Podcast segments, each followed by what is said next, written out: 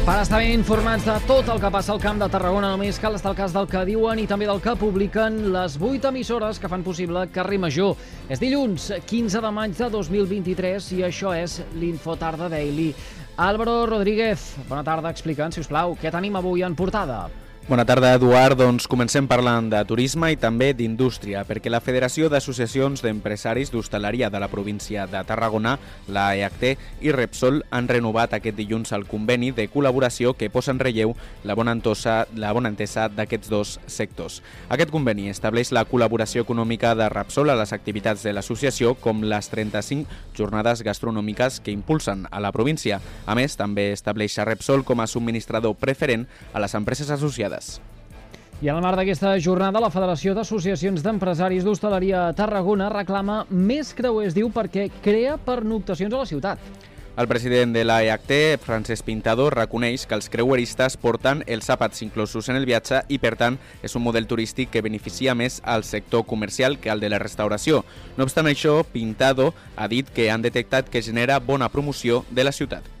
També és cert que doncs, amb Junta hem pogut veure i ens ha sorprès com el creuer crea pernoctacions en hotels i en apartaments, cosa que ens va sobtar, per allò de pujo al creuer a Tarragona o doncs, m'apropo i parat i, i conegut Tarragona a través d'una aturada al creuer i després he vingut a passar les meves vacances a Tarragona. Per tant, doncs, al final eh, no deixa de ser promoció també totes aquestes visites de creuers.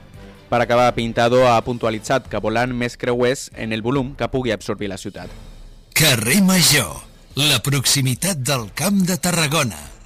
En clau local, l'Arquebisbat de Tarragona i l'Ajuntament de la Selva del Camp han signat un conveni de cessió d'una part dels terrenys del convent de Sant Agustí.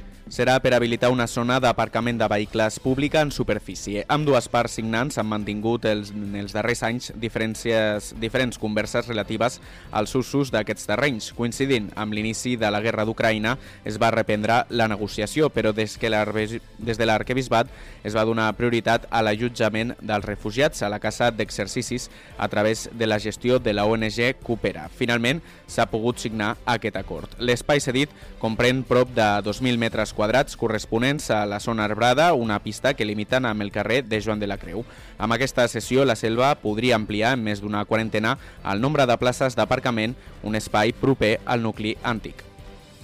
Més coses. La Fundació Casa Sant Josep i el Mercat de Tarragona celebren el Dia Internacional de les Famílies. S'ha fet amb una intervenció artística dins del Mercat de Tarragona que consisteix a guarnir les dues pèrgoles de l'interior del mercat amb cases fetes de cartró, les quals simulen les llars que en un futur podrien acollir nens i nenes en situació de vulnerabilitat.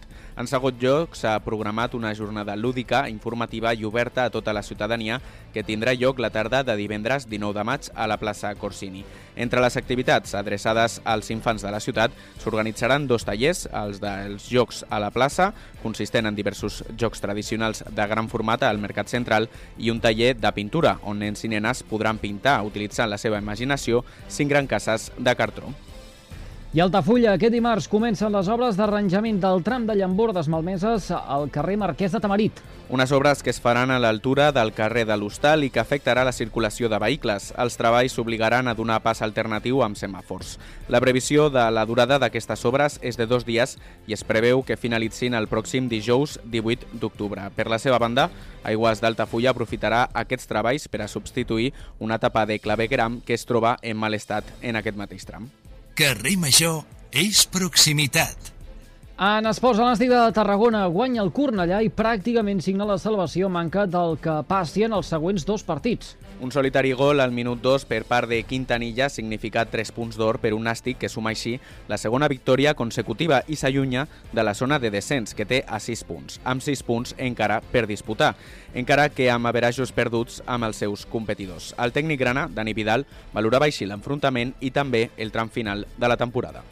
Sí que es cierto que, como todos los partidos, Pedro, hay cosas que, que mejorar, eh, cosas que se han hecho bien, el equipo ha sabido sufrir, volvemos a recordar que era una de las asignaturas pendientes en el primer tramo de temporada, si el equipo seguramente tuviera este espíritu eh, competitivo durante todo el año, pues eh, aquellos partidos que nos hemos puesto por delante en el marcador, pues podríamos tener algún punto más. La setmana que ve el Nàstic visita el camp de la Morevieta. El conjunt basc hauria pogut segellar l'ascens directe aquest diumenge, però s'ho gigorà tot davant del Nàstic al seu feu. I el CBT certifica l'ascens superant el Pinar de Màlaga i ja és equip de Le Plata. Els tarragonins han quallat una fase final immaculada amb tres victòries en tres duels i ha aconseguit la primera plaça del grup. Els blaus aconsegueixen una fita històrica i d'un mèrit enorme després d'una temporada realment complicada, plena d'entrebancs en forma de múltiples lesions greus de jugadors importants. Però res atura el CBT i no han deixat de competir durant tota la campanya, jugués qui jugués i han acabat assolint aquest somni. Carrer Major, fent camp de Tarragona. Dit tot això, coneguem quin temps ens espera de cara a les properes hores i connectem amb el Servei Meteorològic de la xarxa de comunicació local. Lluís Vivérez, hola, molt bona tarda. A hores d'ara tenim dues zones de Catalunya molt diferenciades. Per una banda, l'Alt Pirineu, on els núvols són abundants, bàsicament cap a la Val d'Aran, allà amb alguna pluja i alguna nevada, que cau cap als 2.300 metres d'altura, i per altra banda, el temps que fa la resta del país. A hores d'ara els núvols són escassos, està bufant força el vent a les comarques del nord de Girona, també del Cap de Salou cap al sud, i una temperatura que s'està enfilant una mica més que no pas la d'ahir. Ara bé, al llarg d'aquesta tarda tornaran a créixer alguns núvols amb algun ruixat o alguna tempesta, sobretot a les comarques de Barcelona, especialment entre els Vallesos, el Mollanès, el Bages i també el Maresme, algun ruixat ja a darreres hores de la tarda s'hi atensarà també cap a les comarques del nord de Tarragona, bàsicament cap a la Conca de Barberà o al Baix Penedès. Continuarà bufant la tramuntana a l'Empordà, el vent de mestral a les Terres de l'Ebre i la temperatura aquesta tarda més alta que la d'ahir, però sense estridències. El dimarts estarà presidit pels núvols al matí i amb més clarianes durant la tarda. Ho anirem seguint a la xarxa.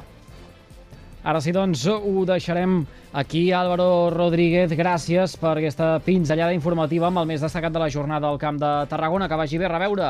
Gràcies, a reveure. I tots vostès poden recuperar l'Infotarda Daily d'aquest dilluns 15 de maig mitjançant les xarxes socials i també els respectius serveis de ràdio a la carta a les 8 emissores que cada tarda passegen plegades pel carrer Major. Gràcies per seguir-nos.